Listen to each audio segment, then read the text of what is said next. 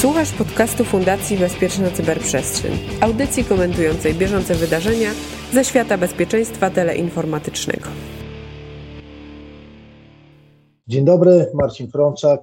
E, kolejny odcinek CyberCyber. Cyber.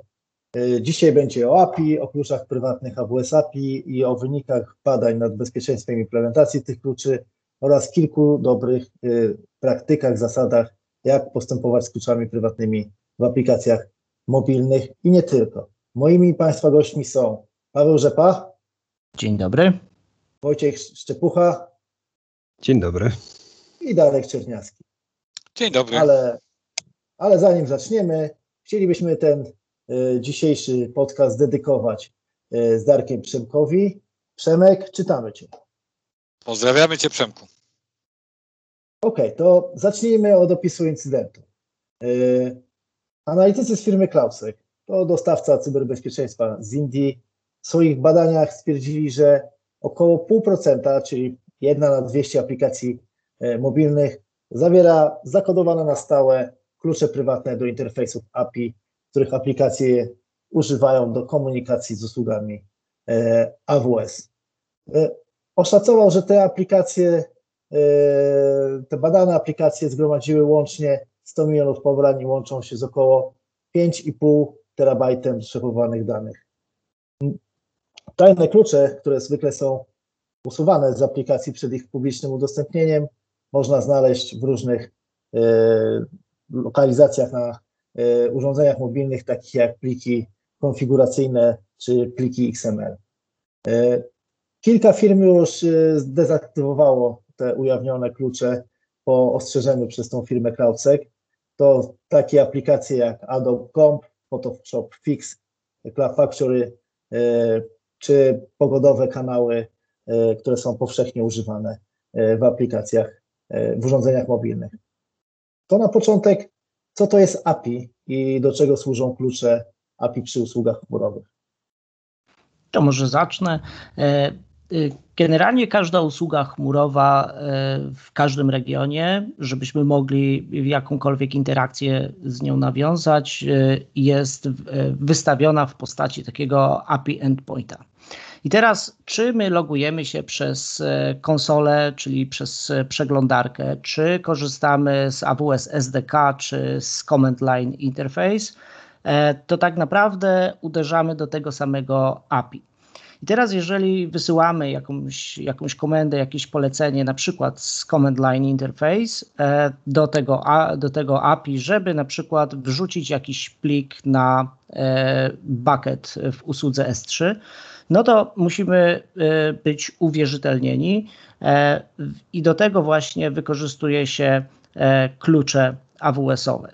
Klucze AWS-owe to jest tak naprawdę e, coś jak login, hasło, tylko e, login to jest taki randomowy string, a e, hasło to jest jeszcze dłuższy randomowy string. I te klucze mogą być stałe lub tymczasowe, czyli na, na stałe dawać uprawnienia do, do jakichś usług, bądź też tylko na pewien określony czas. Okej, okay, to jak to się dzieje, że y, te klucze prywatne są zakodowane na stałe w aplikacjach mobilnych?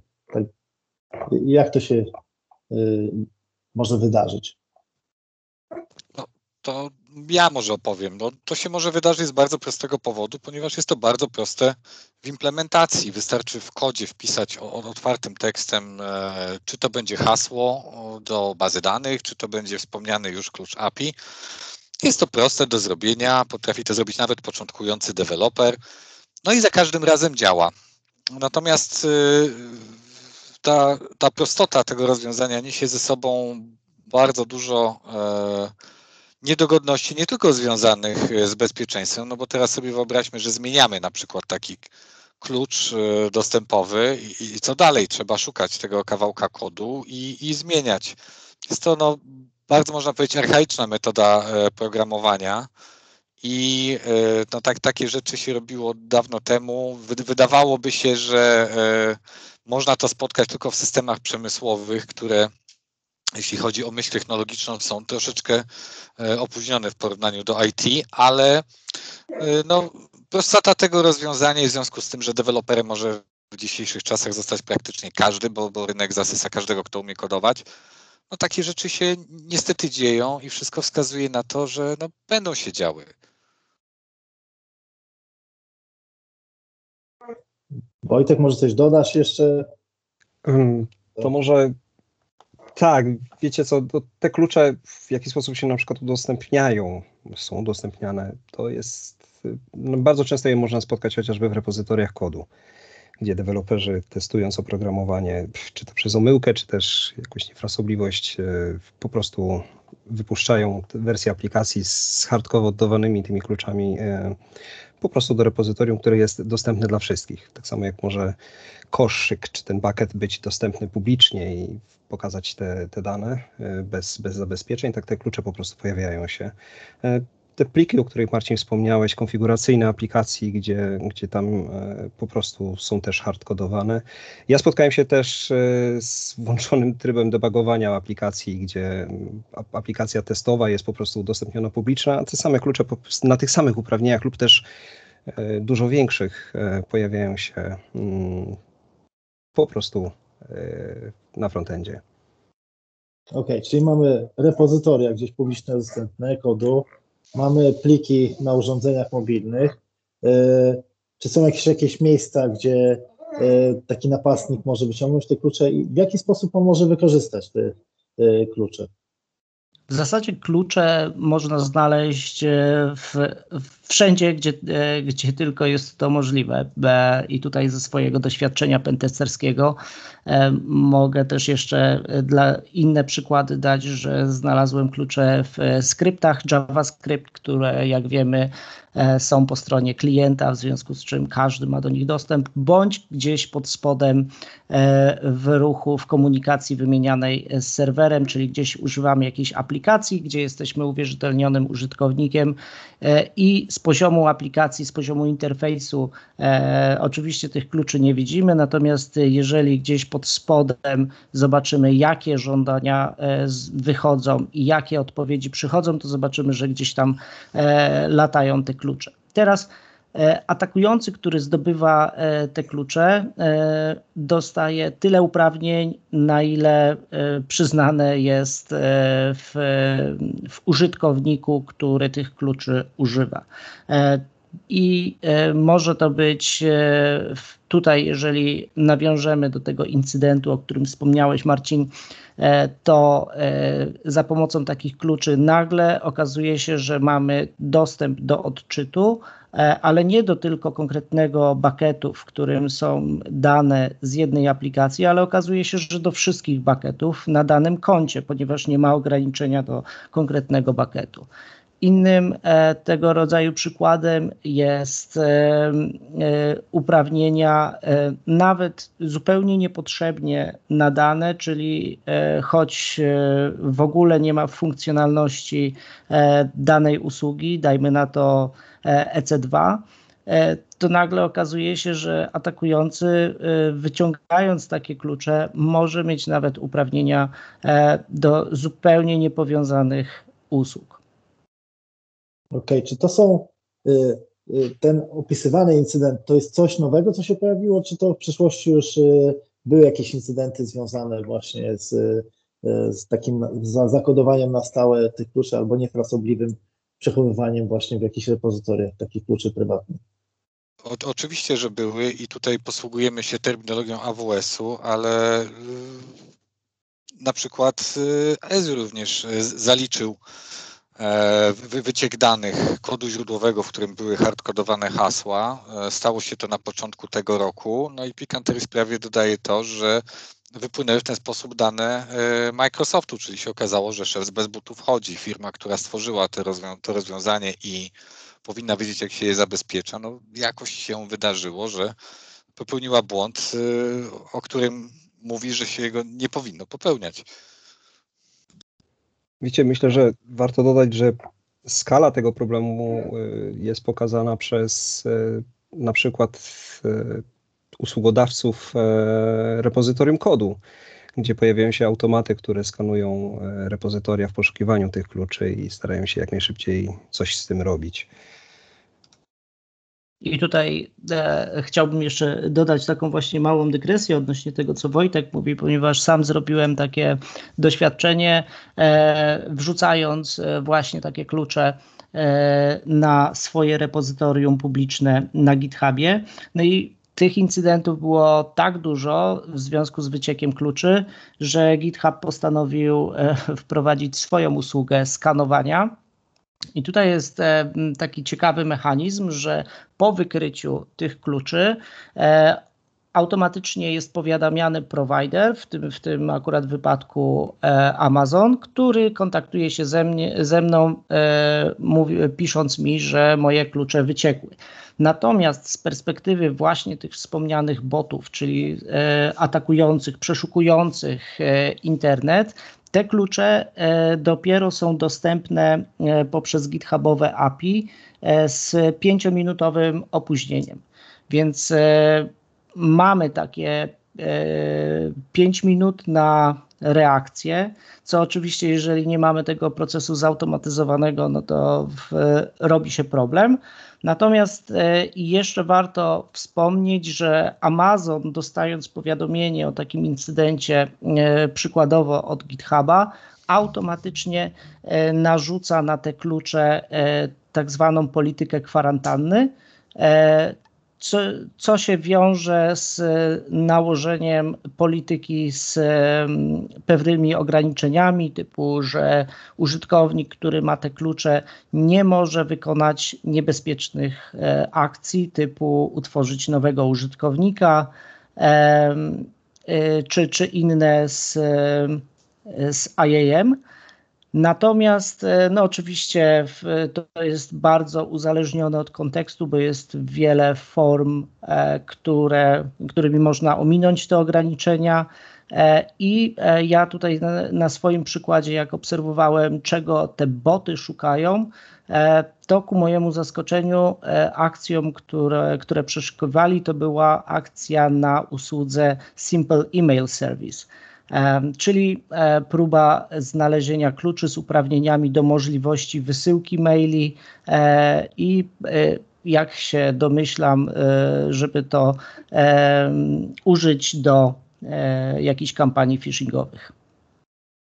Okej, okay, to spójrzmy z punktu widzenia takiego normalnego użytkownika. Jeżeli chciałbym no, zainstalować jakieś aplikacje mobilne na, na, na, na moim urządzeniu, to czy jest jakiś sposób, że ja mogę dokonać jakiejś weryfikacji, nie wiem, patrzeć na jakiś rating z, z punktu widzenia bezpieczeństwa. Czy są jakieś sposoby, żebym też zweryfikował taką aplikację, czy ona nie ma y, właśnie jakichś zakodowanych na stałych y, klucze? Y, co ja mogę zrobić jako użytkownik takiej aplikacji mobilnej? Smutna to jest prawda, jest taka, że niewiele, niestety, e, dlatego że e, nawet jeżeli będziemy obserwować e, najnowsze powiadomienia E, na różnych stronach poświęconych bezpieczeństwu i dowiemy się, że te, te klucze wyciekły, e, to tak naprawdę to już jest po wycieku, e, więc już te nasze dane są w rękach atakujących. Natomiast oczywiście jest możliwość, żebyśmy wykonali testy bezpieczeństwa po swojej stronie, to znaczy w, e, zdekompilowali kod e, aplikacji, e, próbowali wyciągnąć klucze z samego kodu zahardkodowane lub podejrzeć ruch wymiany z serwerem, czy tamtych kluczy nie ma. Natomiast bądźmy szczerzy, no w, tego typu testy nie są do wykonania przez zwykłego Kowalskiego. Raczej jest tutaj wymagana E, wiedza i odpowiednie narzędzia. To oprócz testów, czy no, powinienem jakieś chociaż kroki e, podjąć albo czegoś unikać jako taki zwykły użytkownik? Wiesz co, myślę, że przede wszystkim świadome używanie aplikacji. To znaczy, czy ja na pewno potrzebuję tego wszystkiego, co instaluję na swoją komórkę? Czy, czy, czy ta aplikacja jest mi niezbędna?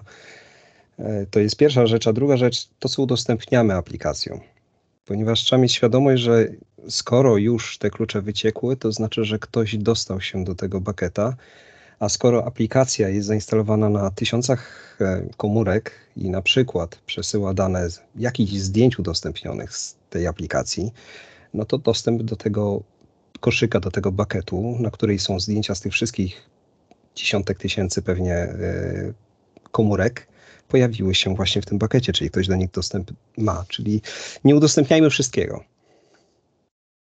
Dokładnie. Zastanówmy się, czy, czy naprawdę aplikacja, na przykład y, latarka, potrzebuje mieć dostęp do naszej lokalizacji, do naszych kontaktów i do naszych zdjęć. Okay, czyli to, jeżeli mamy jakieś aplikacje, którymi, nie wiem, przesyłamy też pliki w jakieś y, y, repozytoria w chmurze, to ta sytuacja też może tego dotyczyć.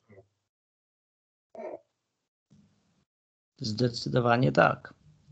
Okej, okay, to w jaki sposób i kto powinien zadbać o to, żeby takie sytuacje, jak właśnie tutaj omówiono na początku, e, się nie powtarzała?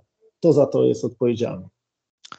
Dostawca oprogramowania i yy, no, to też nie, nie jest tak, że, że ci deweloperzy muszą hardkodować te hasła, bo nie mają wyjścia, ponieważ nie ma narzędzi. Większość dostawców usług chmurowych dostarcza gotowe narzędzia do e, przechowywania sekretów, kiedy one są tylko przekazywane do aplikacji, w momencie, kiedy sama aplikacja o nie poprosi, bo potrzebuje na chwilę je, je dostać, żeby się gdzieś uwierzytelnić.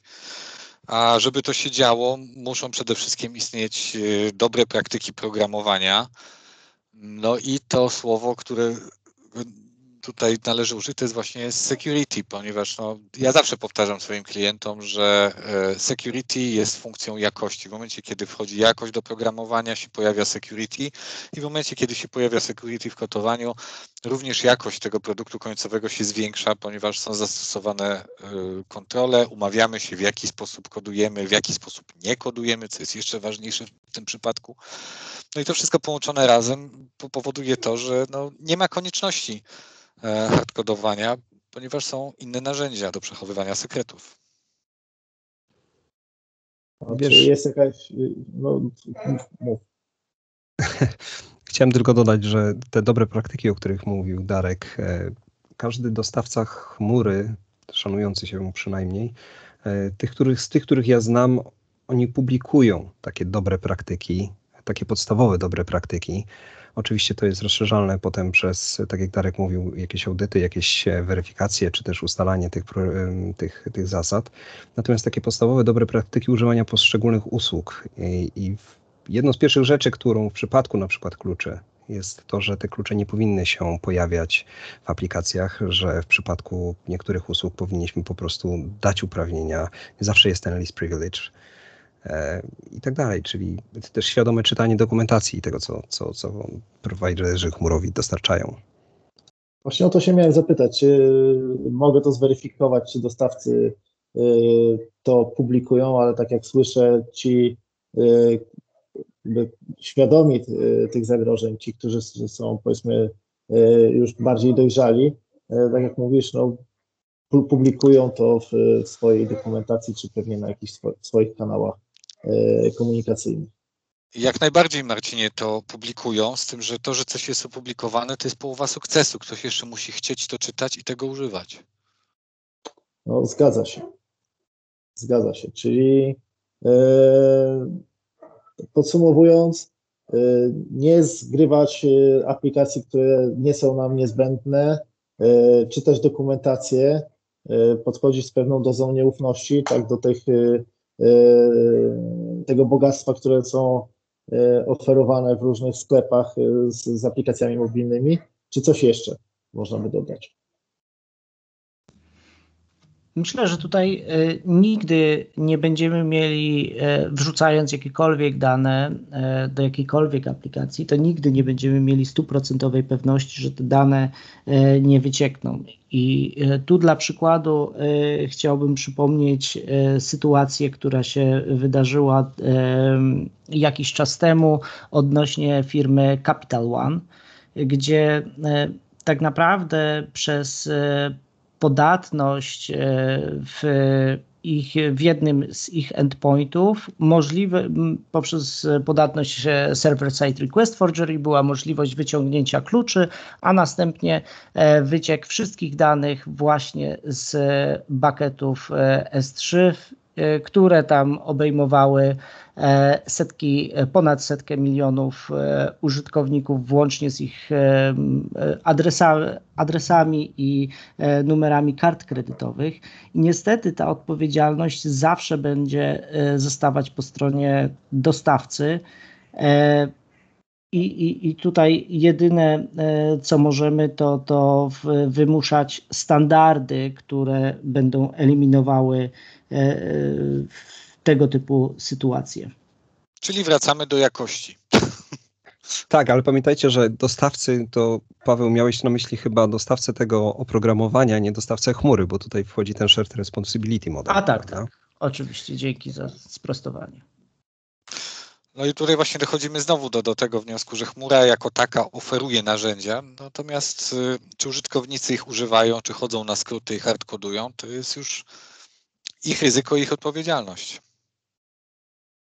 Też wydaje mi się, że e, problemem tutaj wartym uwagi jest to, że e, jest brak znajomości technologii, e, albo raczej całego wachlarzu możliwości dostawcy usług chmurowych, jakie ten dostawca oferuje.